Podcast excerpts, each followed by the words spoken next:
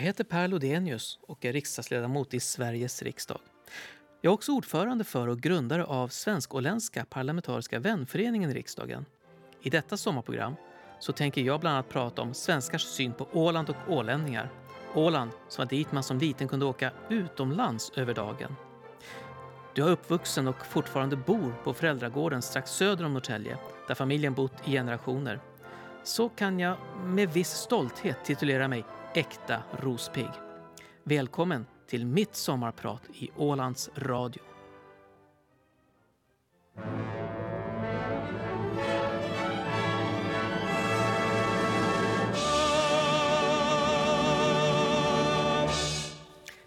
Sven-Bertil Taube med Kalle Schewens vals, eller som den också kallas, I Roslagens famn. I fredags firade Åland sin självstyrelsedag. Vid årets firande fick Per Lodenius, riksdagsledamot från Norrtälje, motta Ålands självstyrelses jubileumsmedalj vid en ceremoni på Alandica kultur och kongress i Mariehamn. Medaljen delas ut vart femte år av Ålands landskapsregering sedan 1997 då man firade självstyrelsens 75-årsjubileum. Medaljen tilldelas som erkänsla för er framgångsrika verksamhet till gagn för landskapet Åland. Jag känner mig hedrad och tacksam för denna utmärkelse, säger Per Lodenius. Sverige och Åland har en speciell och nära relation som är viktig att bevara. Lantrådet Katrin Sjögren och förvaltnings och utvecklingschef Dan E Eriksson delade ut medaljerna under ceremonin som förutom tal även innehöll musik av hög klass. Ja, så stod det i ett pressmeddelande daterat den 9 juni 2017 som skickades ut till svenska medier för då lite drygt ett år sedan. Och på bilden som skickades ut tillsammans med pressmeddelandet så syns också lantrådet och till höger om henne så står jag med diplomet och medaljen. Jag minns hur oerhört stolt jag var och det syns ganska tydligt på bilden kan jag säga. Jag tror inte att jag har sett mer stolt ut på ett foto, något foto tidigare. Ja, förutom då möjligen mitt bröllopsfoto. Men jag har aldrig tidigare eller senare varit så stolt på en bild som ska spegla min politiska verksamhet. Men hur kommer det sig att jag, en svensk riksdagsledamot från Norrtälje, som egentligen inte har någon koppling till Åland, detta fantastiska örike, fick motta denna hedersbetygelse på Ålands självstyrelsedag då för ett år sedan. Ja, det är en historia vars början innehåller en partiledare, en vice partiledare, en talman och Du gamla, du fria sjunger med en sådan kraft som jag aldrig hade hört den förut. Och allt detta, det utspelade sig på Sveriges nationaldag för sex år sedan, den 6 juni 2012.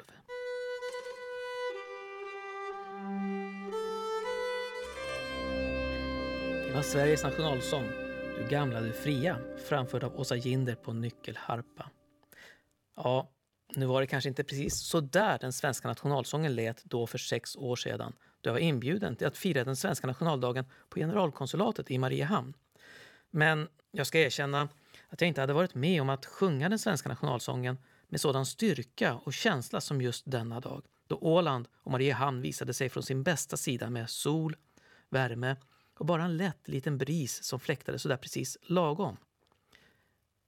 Nu kanske jag förskönar det lite, men det är så jag vill komma ihåg den här dagen, eller i alla fall kommer ihåg den här dagen, denna försommardag i Mariehamn för sex år sedan.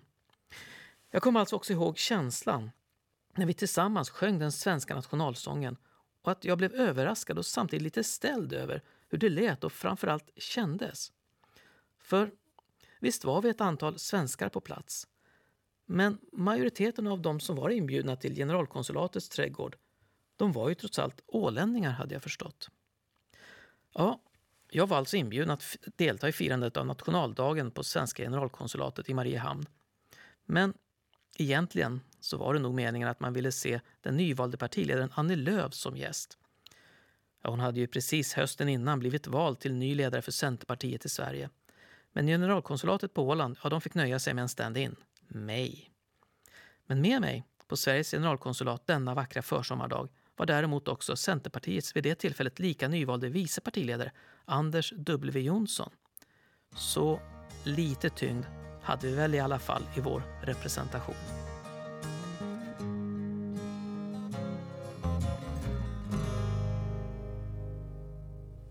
Sol, vind och vatten med Ted Gärdestad.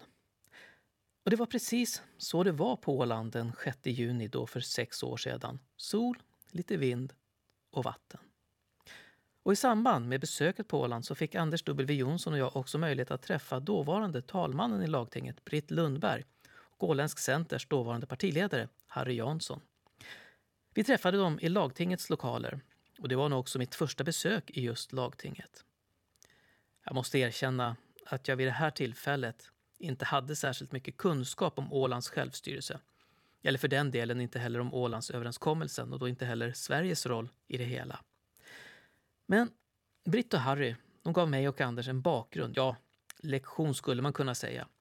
Om Åland, lagtinget, självstyret och inte minst om Ålandsöverenskommelsen från 1921 och Sveriges åtagande i och med den.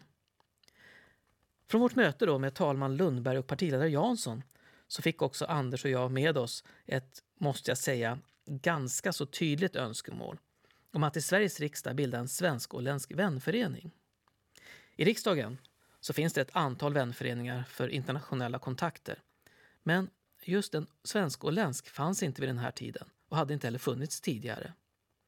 Men på färjan hem till Sverige så sa Anders W Jonsson helt lugnt till mig att ja, då tar du bollen att starta en vänförening.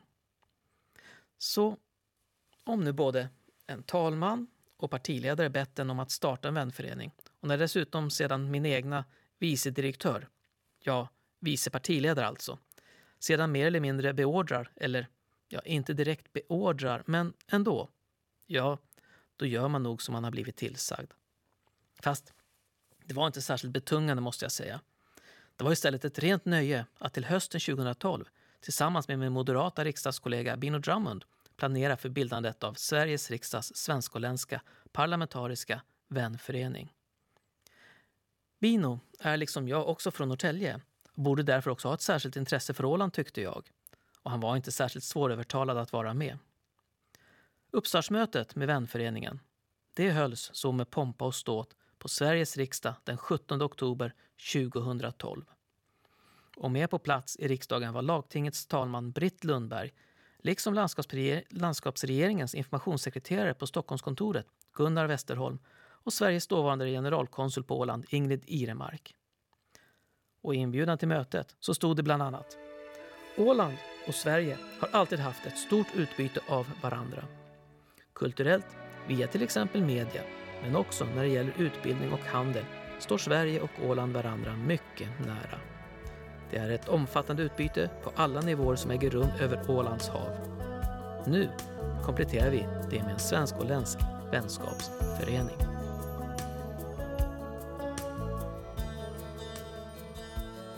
Det var Christopher Cross som sjöng Sailing. Och att segla till Åland, det har nog en del svenskar gjort. Men de flesta nöjer sig nog ändå med att ta Ålandsbåten, eller Ålandsfärjan som vi också kallar den, fram och tillbaka från Sverige till detta örike mitt i Östersjön.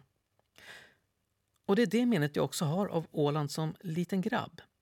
Resan fram och tillbaka från Kapellskär till Åland och Mariehamn. Smörgåsbordet i buffén, spela på de enarmade banditerna som fanns ombord på den tiden och handla godis i taxfree-shoppen.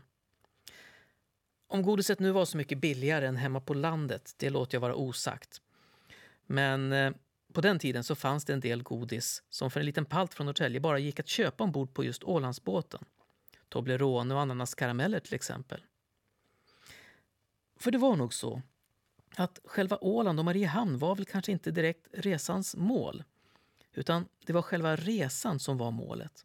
Resan på den stora Ålandsfärjan med alla spelmaskiner, lekrummet och taxfreebutiker med allt godis. Ja, det är i alla fall så jag mindes det. Men när jag inför det här programmet började tänka igenom vad Åland är och har varit och betytt för mig så var det nog ändå inte bara själva resan som var spännande, som man längtade till, som var resan värd. Nej, för där på andra sidan vattnet, ett par timmars spännande båtresa bort, så klev man i land i ett annat land. Man var utomlands. Man var i ett land som hade sina egna pengar, på den tiden den finska marken. Fast man kunde ändå handla med svenska kronor där i det där andra landet. Men man fick växeln tillbaka i finska mynt. Och egna frimärken hade man också i det där landet som hette Åland. Fast man pratade svenska. även om det inte riktigt lät som hemma i Norrtälje. Och så fanns det där tåget där i Mariehamn, Röde Orm.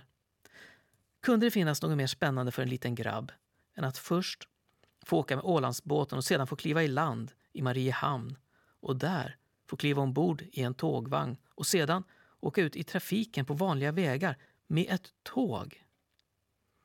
Ja, så när jag tänker efter så här i efterhand så gick man nog i alla fall i land på Åland när man åkte till, med Ålandsbåten från Kapellskär som liten grabb. Det var inte bara fram och tillbaka ombord på båten. I alla fall inte varje gång. För ibland så klev man faktiskt av, om så bara för några timmar, innan det var dags att åka tillbaka till Sverige. Och så på återresan så fick man spela lite till igen på de där enarmade banditerna och handla det där godiset som bara fanns att köpa på Ålandsbåten. Och en annan sak jag minns nu när jag tänker tillbaka. Det var alltid sommar när man åkte till Åland. För det där landet mitt i Östersjön, det fanns nog bara på sommaren.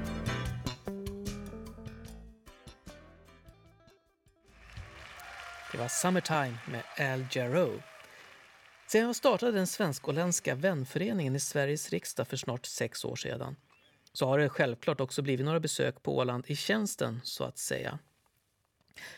Före grundandet av vänföreningen och innan lektioner med Harry Jansson och Britt Lundgren om Ålands och dess historia så hade jag ju inte så jättemycket kunskap om just Åland. Och som liten grabb så hade det ju mest varit en spännande sommarutflykt över dagen. Men efter att jag vuxit upp från att vara en liten palt till en, ja, nåja, något vuxnare man och innan jag blev riksdagsledamot så hann jag faktiskt också med att jobba på Åland. Ja, jobba och jobba. Eller, jo, det måste man väl säga att jag gjorde, även om det så bara var för en helg. Så här var det. Under flera år så hade Norrtälje kommun och Åland ett nära samarbete när det gällde gymnasieutbildning. På den tiden när jag själv gick på gymnasiet i Norrtälje så var det flera ungdomar från Åland som fick möjlighet att studera på Rodengymnasiet i Norrtälje. Och samtidigt så var det Norrtäljeungdomar som fick möjlighet att studera i Mariehamn. Min kompis Kristel, som på den tiden hette Hoffström i efternamn, var en av de svenska ungdomarna som fick möjlighet att studera på Åland. Och som så ofta annars när ungdomar flyttar på sig för att studera så blev hon kvar här på Åland. Idag så bor hon alltså på Åland och heter Kvarnström i efternamn. Men under tonåren, innan Kristel flyttade till Åland, så dansade vi mycket tillsammans bland annat i Norrtälje folkdanslags ungdomsgrupp. Det var mycket träning och bland annat så åkte vi på turné till Tyskland. Men det blev också en hel del mer social dans på olika dansbanor och bygdegårdar runt om i Roslagen. Men Kristel, hon flyttade alltså till Åland. Men för mig så blev det dansen min profession istället under flera år på 90-talet. Och det var också så jag kom att jobba på Åland, alltså för att Kristel flyttade till Åland och jag, jag blev danslärare. Det var så att efter gymnasiet så vidareutbildade jag mig till pedagog i svensk folk och pardans. Egentligen så sökte jag till dansutbildningen, ska jag väl erkänna, för att slippa göra lumpen i Boden i norra Sverige. Men visst, det var också för ett mitt brinnande intresse för dans. Tänk, att få hålla på med dans på heltid under ett helt år. Men det blev alltså en utbildning som sedan ledde till att jag senare i livet också kunde livnära mig på dansen. En erfarenhet som jag idag har stor nytta av som kulturpolitisk talesperson för mitt parti i riksdagen. Så utbildningen till danspedagog har säkert gjort mer nytta för mig än ett år i Boden skulle ha gjort. Ja, det är i alla fall vad jag tror. Hur som helst, jo, i min tidiga karriär som danslärare så åkte jag då faktiskt över till Åland för att hålla just en danskurs. Det var min gamla danskompis Kristel som hade plockat ihop en grupp för en helgkurs i bugg och som vi sedan höll tillsammans, Kristel och jag. Så jag har faktiskt jobbat på Åland, om så bara för en helg. Det är gött! Ja, just det. Det är gött med Skytts. Svårt för en gammal danslärare att sitta still till en sådan låt. Tack för dansen, Kristel. Du lyssnar på Sommarprat i Ålands Radio med mig, Per Lodenius. Och i presentationen inför mitt sommarprat här i Ålands Radio så kan man läsa, och nu citerar jag, svensk riksdagsledamot som beskrivits som Ålands bästa vän i maktens korridorer i Stockholm. Ja, det är inte jag själv som har sagt detta, men jag måste erkänna att jag är oerhört stolt över att bli kallad så. Och lite generad också. Men jag måste direkt säga att jag inte är ensam om att jobba för Ålands sak i Sveriges riksdag. Vår svensk-åländska vänförening på riksdagen har till exempel idag ett 25-tal medlemmar. Ett antal som jag hoppas ökar efter höstens val då det är dags för nystart för föreningen. Och vi har redan börjat planera tillsammans med lagtingets talman Gun-Marie Lindholm kring vad vi ska locka med vid nystarten nu efter vårt val i Sverige i höst. För jag är övertygad om vikten av att vi har en fungerande svensk-åländsk vänförening i Sveriges riksdag. Inte minst med tanke på framtiden för Åland, men också för Sverige och för Finland. Vi lever i en orolig tid. Vi ser olika politiska skiftningar och också hot från länder i vår omvärld. Men också politiska skiftningar i våra egna länder. Jag ska inte bli partipolitisk på något sätt. Men Sverige har genom Ålandsöverenskommelsen en roll som garantistat för Ålands självstyre och då också för Åland som en självstyrande svenskspråkig demilitariserad zon inom Finland. Det är en roll som i dessa tider är viktig att påminna sig om och upprätthålla. En roll som en vänförening i Sveriges riksdag kan vara en viktig pusselbit i. Men jag måste också lyfta fram flera av mina riksdagskollegor som har uppdrag i Nordiska rådet, som även de står upp för och talar för Ålands sak. Och där måste jag också säga att de åländska politiker som har och har haft uppdrag i Nordiska rådet, de är mycket skickliga på att lyfta fram just Åland i det nordiska samarbetet. Och Åland är också med rätta en viktig aktör i det nordiska samarbetet, på många plan. Ja, till exempel på fotbollsplan. Och då tänker jag på förra årets fotbollscup den mellan de svenska och finska riksdagarna och det åländska lagtinget som gick av stapeln på just Åland.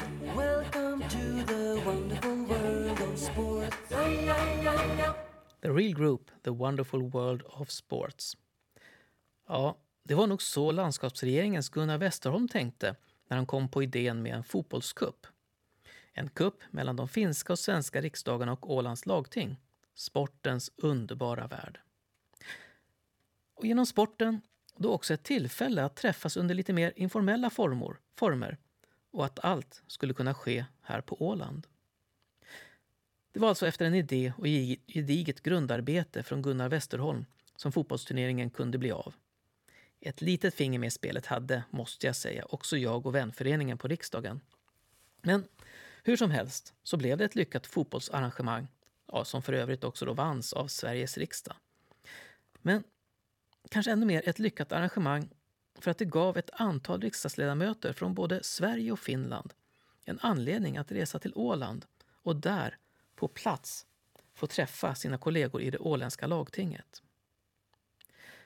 Nu var det visserligen fotbollsmatcherna som var det viktiga för somliga som var med. Men jag har hört från flera kollegor som deltog att det var spännande att också på plats få veta mer om just Åland. För det visade sig ju att det inte bara något som jag har sagt till dem, att det finns något med Åland som är så mycket mer än den där 24 timmars kryssningen från Stockholm eller dagsutflykten från Grisslehamn. Det här är också något som jag mött när jag lyft fram Åland i olika politiska sammanhang. Inte minst då i riksdagen, men också i andra sammanhang. Alltså hur man får en helt ny förståelse för Åland och man också får en anledning att skrapa lite på ytan till det där riket mitt i Östersjön. En anledning att lyssna på och ta in till sig lite mer av Ålands historia och unika situation. Och det här är något som jag brukar försöka sprida om jag får chansen. Som i våras till exempel, då jag hade Bygdegårdarnas riksförbund i Sverige sin årsstämma i Norrtäljetrakten. Och jag är sedan ett år tillbaka ordförande för denna riksorganisation som samlar över 1400 bygdegårdsföreningar spridda över hela Sverige och då främst på landsbygden. På stämman varje år så bjuder vi också in några föreläsare för att inspirera och ge tips så att bygdegårdsdistrikten och föreningarna över hela Sverige kan fortsätta att utveckla både sin egen verksamhet men också bygden som man bor i. Och då årets stämma skulle hållas i Marholmen, alltså inte då så långt ifrån Kapellskär och då är alltså också bara ett par timmars resa från Åland, så tyckte jag som ordförande för Bygdegårdarnas riksförbund att det föll sig ganska naturligt att hämta årets inspirationstalare från just Åland. Så efter tips från och kontakter på Åland så bokades Lis Mattsson som talare. Ett mycket bra tips för övrigt, så tack för det Jörgen Pettersson. Men Liss kom i alla fall och inspirerade oss alla med att berätta om sitt arbete med bland annat skördefesten. Och det blev också en av de mest uppskattade inslagen under årets stämma. För Liss gav inspiration men också hopp om att det går att utveckla landsbygden där man bor. Och dessutom på köpet så blev det ytterligare några till i Sverige som fick upp ögonen för Åland som något mer än ett kort stopp innan kryssningsfartyget vänder tillbaka mot Sverige igen.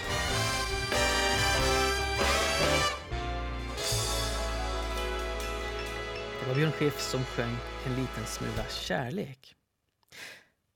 Det är kanske inte precis kärlek jag har känt för mitt arbete i Sveriges riksdag när det gäller Åland, men uppskattning. Och det är intressant och känns också viktigt för mig att få jobba med och sätta mig in i hur besluten vi tar i riksdagen också påverkar Åland och ni som bor här. Ja, bara en sådan sak som att när tv-tittandet allt mer går från programmen på tv-skärmen som följer en given programtablå till on demand och att man själv väljer när och vad man ska se på till exempel sin mobil eller läsplatta. Ja, då blir det rent av, av tekniska och upphovsrättsliga skäl svårare för ålänningar att ta del av Sveriges Televisions utbud. Och hur ska vi då kunna lösa det svenska åtagandet att göra det möjligt för ålänningar att se det svenska tv-utbudet när det nu plötsligt har begränsats genom den nya tekniken och det nya sättet att ta till sig programmen? Och då är det viktigt att vi från politiskt håll uppmärksammar problemen och då självklart gärna innan de uppstår och också jobbar för att hitta lösningar. Och det här kanske inte alltid är det lättaste, men i alla fall att vi följer upp, försöker lösa problemen på bästa sätt och åtminstone ständigt påminner oss om vilka åtaganden Sverige faktiskt har gentemot Åland. Och då inte minst med tanke på Ålandsöverenskommelsen som fastän snart är 100 år faktiskt alltjämt gäller. Att den fortfarande gäller det svarade också Sveriges utrikesminister Margot Wallström på en skriftlig fråga från mig för några år sedan. Hon svarade citat. Nationernas förbund gav 1921 Finland suveränitet över Åland. Åland är en autonomi under finsk suveränitet. Ålands befolkning fick genom den så kallade Ålandsöverenskommelsen garantier om självstyre, språkskydd av det svenska och åländska jordinnehav. Överenskommelsen ingicks mellan Sverige och Finland och gäller alltjämt. Jag har inte noterat något ifrågasättande från finskt officiellt håll vad gäller Ålandsöverenskommelsen. Jag har heller inte fått information om att en sådan diskussion skulle ha förts i självstyrelsekommittén där arbetet med en ny självstyrelselag för Åland bedrivs. Slut citat. Ja, kan det sägas så mycket tydligare.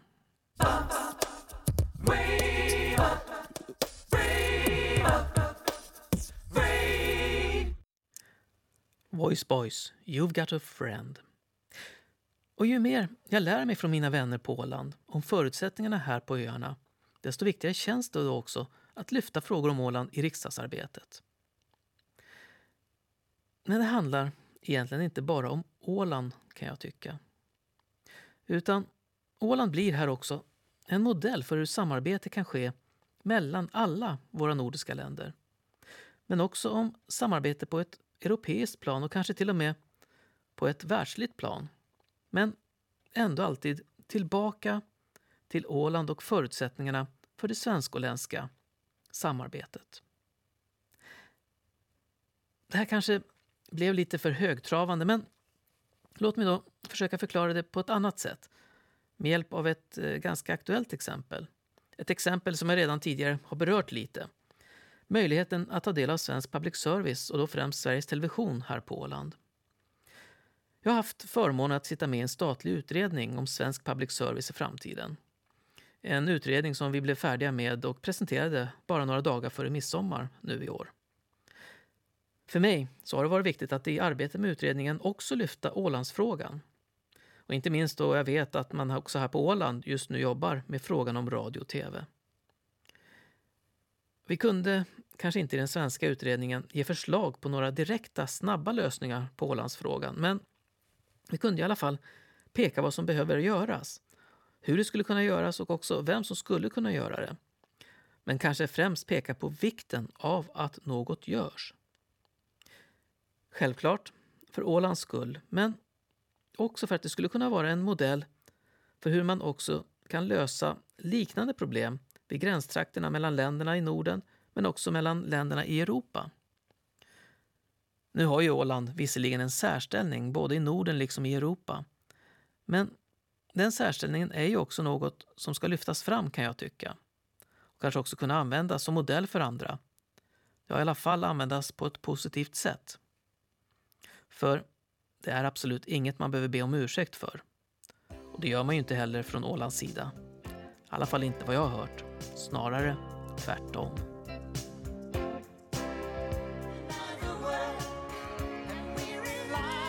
Islands in the Stream sjöng Dolly Parton och Kenny Rogers. En kärleksförklaring mellan två öar. Lite grann som mellan Sverige och Åland kanske. Ja, hur som helst. Före midsommar så beslutade vi i Sveriges riksdag om en ny lag vad gäller spel om pengar i Sverige. Det kan inte tyckas vara en fråga som borde påverka Sveriges och Ålands relationer. Och det trodde inte jag heller från början, men där hade jag fel. Något som också Ålands landskapsregering gjorde oss i Sveriges riksdag uppmärksammade på strax innan vi skulle fatta beslutet. I riksdagens kammare då valde jag då att lyfta frågan på detta sätt och nu läser jag då direkt från mitt manus från debatten. Herr talman! Det har också i slutskedet av kulturutskottets behandling av detta ärende kommit en skrivelse från Ålands landskapsregering. En skrivelse där man uttrycker oro för hur den nya omregleringen av den svenska spelmarknaden kan komma att påverka beskattningen och regleringen av bland annat spel som sker på fartyg som går i trafik mellan Sverige och Åland. Och det är viktigt att ta denna oro på allvar då vi från Sveriges sida har ett särskilt åtagande gentemot Åland genom den så kallade Ålandsöverenskommelsen. Ålandsöverenskommelsen som antogs av Nationernas förbunds råd redan 1921 och den gäller ju ännu. Det bekräftade utrikesminister Margot Wallström så sent som i oktober 2015 på en fråga från undertecknad. För genom Ålandsöverenskommelsen så har Sverige och Finland kommit överens om att värna bevarandet av den åländska kulturen, språket och de lokala svenska traditionerna. Inom ramen för Ålands självstyrelse styre så bedriver man också spelverksamhet genom bolaget Paf och där avkastningen går till det åländska kultur och föreningslivet. Och ett av Pafs kärnverksamheter är den fartygsbaserade spelverksamheten som man nu från åländsk sida ser att intäkterna kraftigt kan komma att minska när skattereglerna på den omreglerade svenska marknaden ändras också vad gäller fartyg, spel på fartyg på svenskt territorialvatten. Och här behöver man, vad jag kan se, i den kontinuerliga uppföljningen av omregleringen tidigt också följa upp hur det påverkar Ålands möjligheter till ett levande och utvecklande kultur och föreningsliv om Pafs intäkter påverkas av den svenska lagstiftningen och då också följa upp om det är förenligt med Sveriges åtaganden enligt Ålandsöverenskommelsen. Nu tycker jag att det kan passa att spela Att angöra en brygga med Monica Zetterlund.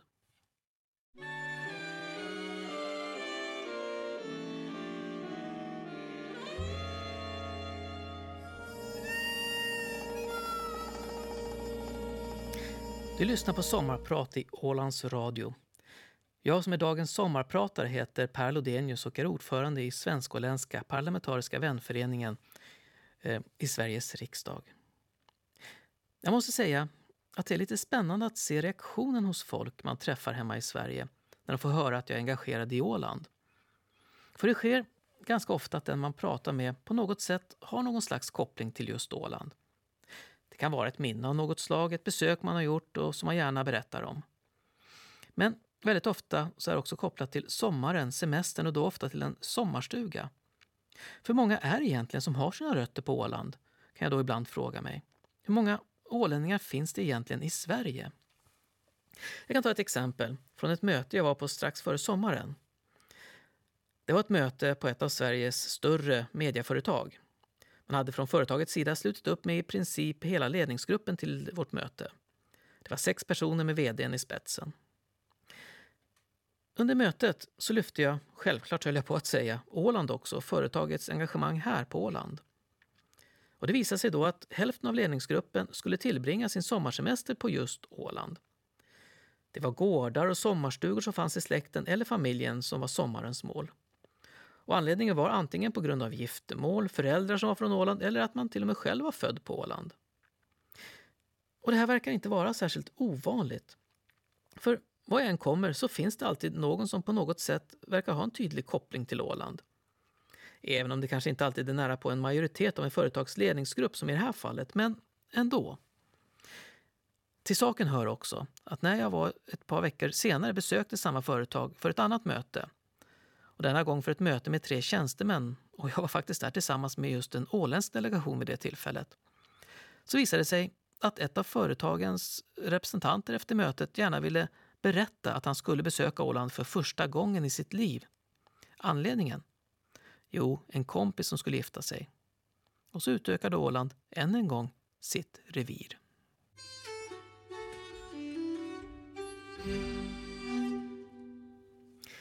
Det var Heverö spelmän som spelade Lilla Schottisen efter Johan August Sundberg på Geta, Åland. Skivan med Häverö spelmän heter Mitt i Roslagen. Och i skivkonvolutet till skivan så kan man också läsa i en kommentar från spelmännen att man fått denna låt från spelgruppen Kvinnfolk på Åland. Och det finns också ytterligare en åländsk låt på skivan som man säger sig även där ha fått ifrån Kvinnfolk. Men övriga 16 låtar som Heverö spelmän valt att spela in, de är från Sverige. Närmare bestämt från trakterna runt just Häverö i Roslagen och orter då som Halstavik, Väddö och Singe. Men egentligen är inte det så konstigt med spelmanslåtar från både Roslagen och Åland på samma skiva. För det här är ju trakter som traditionellt och historiskt har haft mycket kontakt, Åland och Roslagen. Ja, det manifesteras ju inte minst då genom den årliga postrodden mellan just Grisslehamn och Eckerö. Men också genom till exempel ungdomsfotbollen som har utbyte bland annat genom sitt seriespel. Och så finns det ju också en del affärsmässiga samarbeten mellan företag på Åland och i Roslagen. Jag kan säkert räkna upp fler exempel på samarbeten och kontakter mellan Åland och mitt eget Roslagen om jag så får tänka efter lite, men jag nöjer mig med de här för, det, för nu. Men jag skulle ändå gärna se än mer samarbeten mellan just Åland och Roslagen. Kanske återuppta mer aktiva samarbeten igen mellan Norrtälje och Åland när det gäller skola och studier som gymnasiet och yrkesskola, för att bara nämna något. Ja, här borde det egentligen bara vara vår fantasi som sätter gränserna. Och så kanske också tekniken lite grann. Och så landsgränsen. Men det här, det är ju hinder som är till för att övervinnas. There may be trouble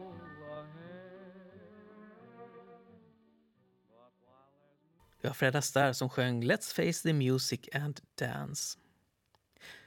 Jag minns för några år sedan då det fanns en politisk debatt i Sverige om att bilda nya regioner.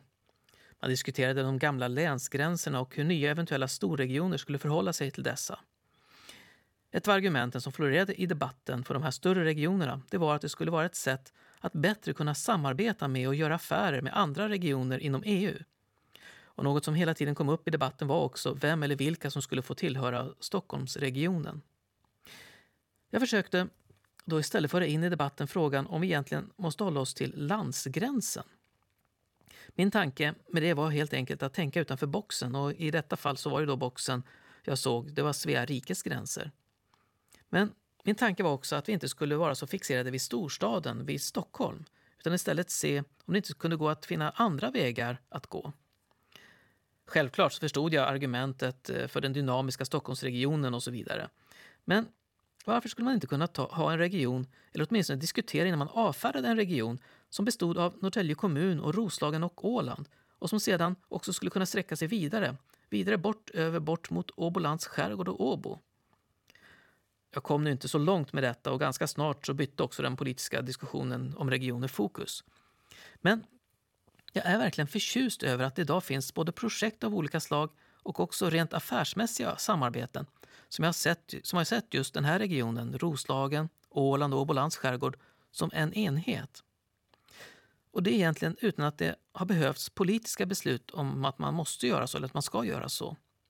Ja, kanske ett eller annat politiskt beslut kan ha florerat i utkanten, men nu tycker jag att det är dags att också politiken på allvar tar sitt ansvar och ser potentialen i denna region.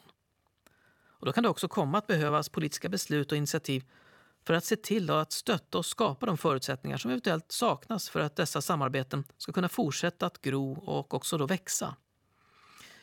Att följa och uppmuntra bör nog också bli en uppgift för politiken. För jag tror verkligen på att vi tillsammans så kan vi skapa fantastiska och viktiga saker som gagnar hela Östersjöområdet. Och det är också något som historien faktiskt har lärt oss. Så skimrande var aldrig havet Det var Lill Lindfors som sjöng Så skimrande var aldrig havet. Det finns så mycket att säga om landet med tusende öar och skär danat ur havsvågors sköte. Men visst måste man också förstå att det gäller på när Åland varje sommar invaderas av tusentals turister. Men ändå så upplever jag att man känner av den gästfrihet och vänlighet som verkar finnas så djupt rotad i just den åländska folksjälen. Man märker den, alltså gästfriheten och vänligheten, när man reser runt i landskapet. Så som jag gjorde tillsammans med min fru förra sommaren. Förutom att vi då blev generöst hembjudna till vänner under dagarna på Åland så hann vi också med några utflykter ut på Ålands vindlande vägar med vår MG som vi hade tagit med oss på färjan från Kapellskär. Ja, det har nämligen alltid varit en pojkdröm för mig att någon gång i livet få äga en engelsk sportbil, en cabriolet, en som är British Racing Green. Men så för ett par år sedan så bestämde jag mig för att nu var det verkligen dags att se till att förverkliga den där drömmen. Ja, låt oss kalla det för en 50-årskris, även om jag absolut aldrig skulle erkänna det såklart. Men det var också samtidigt till viss lycka även för min fru att Winston nu flyttade hem till oss. Ja, jag vet, jag har gett bilen ett namn också, okej? Okay? Men jag gör inte såna här löjliga saker som att jag går ut i garaget och säger godnatt till Winston. Ja, inte varje kväll i alla fall. Där går ju gränsen. Vad var det vi pratade om? Jo, bilen, Winston, ja, MG alltså var alltså till lycka också för min hustru som nu skulle slippa höra mitt tjat om hur gärna jag skulle vilja ha en mörkgrön brittisk liten sportbil, gärna en MG. Lyckan att nu slippa höra detta tjat som hon säger att hon har fått höra under nästan 30 år. Och då har vi ändå bara varit gifta i 10. Men okej, okay, vi har känt varandra längre än så, så hon har säkert rätt. Hon brukar ha det. Hur som helst, det var ju Åland det här skulle handla om. Det var en fantastisk känsla vi fick förra året när vi gled fram på de åländska vägarna i vår MG. Och då och då stannade till på intressanta platser som till exempel Kastelholms slott eller Jan Karlsgårdens friluftsmuseum, Bomarsund och Sunds kyrka.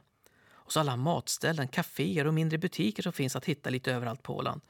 Som Enebo hantverk och café i Geta eller Guldviva i sjökvarteret i Mariehamn. Och så kan man ju också passa på att stanna till vid den där fabriksbutiken och köpa lite chips och annat snacks. Fast det ryms inte riktigt så mycket sådana varor som man kanske skulle önska sig i en tvåsitsig mörkgrön MG. Det kan jag konstatera med erfarenhet från förra året. Men gästfrihet och vänlighet, det finns det på Åland. Det kan jag också konstatera med erfarenhet från förra året. Gee, but it's tough to be broke, kid. Det var Jill Jonsson som sjöng I can't give you anything but love till Anders Berglunds piano. Det är nu snart sex år sedan som jag tog initiativet till att bilda den svensk-åländska parlamentariska vänföreningen i Sveriges riksdag. Under åren så har det också blivit ganska många frågor om Åland som jag har lyft fram i riksdagen i Sverige.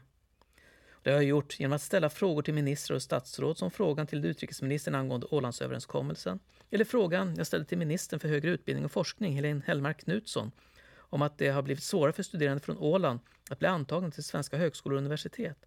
Och självklart då så refererade jag också i min fråga till ministern till Ålandsöverenskommelsen och Sveriges åtaganden i och med den. Det kom också ett långt svar från ministern, men bland annat så svarade hon att det kan vidare noteras att Ålandsöverenskommelsen kan beaktas i dialog, ska beaktas i dialogen mellan självstyrelseorganen på Åland och svenska myndigheter. Jag tolkar det som en direkt uppmaning till svenska myndigheter att, besluta i, att, att beslut i Sverige som kan komma att påverka också Åland och dess invånare då också ska diskuteras och kommuniceras direkt med Åland. Det gäller också utredningar som den svenska regeringen tillsätter, som exempelvis public service-utredningen jag nämnt tidigare. I den utredningen så tog också utredningskansliet ordförande för utredningen Sture Nord Ålandsfrågan på stort allvar. Bland annat så träffade vi också under utredningens gång en delegation från Åland som leddes av landskapsregeringens minister Mika Nordberg. Vi träffades för att till utredningens arbete få mer information om och diskutera frågan om svensk public service ur ett Ålandsperspektiv. Och återigen så gjorde en åländsk delegation stort intryck på svenska beslutsfattare. Något som jag varit med om vid många tillfällen. Genom vänföreningen så har vi på riksdagen också anordnat seminarier för att sprida kunskap till fler, skapa kontakter och då också för att kanske försöka hitta lösningar på olika frågor. Jag har också genom åren lagt motioner, förslag i riksdagen om frågor som rör Åland och den svensk-åländska relationen. Till exempel om ämnen som elöverföringsavgifter mellan Åland och Sverige och svensk public service-utbud på Åland. Jag har också lagt motioner om utbytet mellan våra länder vad gäller utbildning och då inte minst högskole och universitetsutbildning för åländska studenter i Sverige. Men också förslag om hur vi kan förbättra relationerna än mer mellan våra länder och parlament. Genom att ställa frågor till svenska ministrar, lyfta Åland i kontakt med myndigheter och tjänstemän i utredningar, skriva motioner och ta upp frågor som rör Åland i debatter i riksdagens kammare. Så hoppas jag att genom detta arbete åtminstone sprida lite mer kunskap om och förståelse för det viktiga samarbetet mellan Sverige och Åland. Men frågorna och idéerna de har inte bara uppstått i luften. Det är inte något jag bara sitter på min kammare och hittar på. Nej, det är genom kontakterna med mina politikervänner här på Åland som jag har fått underlag och tips. Och inte sällan är det mina åländska kollegor som tagit kontakten och vill att jag ska lyfta någon fråga i det svenska parlamentet. Och det är representanter från flera olika partier som kontaktar mig. För när det gäller samarbete mellan Sverige och Åland så är inte alltid partifärgen det viktiga. Nej, jag tror faktiskt att de flesta av oss i dessa frågor ändå har samma intressen och mål. Men hur kommer det sig att man som svensk riksdagsledamot engagerar sig i Ålandsfrågan? Varför engagera sig utan att egentligen ha någon direkt koppling till det där öriket mitt i Östersjön? Det är en fråga som jag också har ställt mig.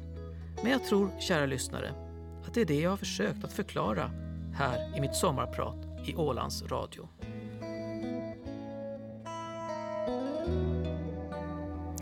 Tid med Janne Schaffer.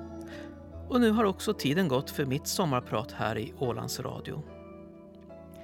Tekniker har Fred Jonsson varit och du har lyssnat till mig, Per Lodenius, en svensk riksdagsledamot som beskrivits som Ålands bästa vän i maktens korridorer i Stockholm. Och det är något jag är otroligt stolt över. Och lite generad. Jag vill önska er alla en fortsatt trevlig sommar.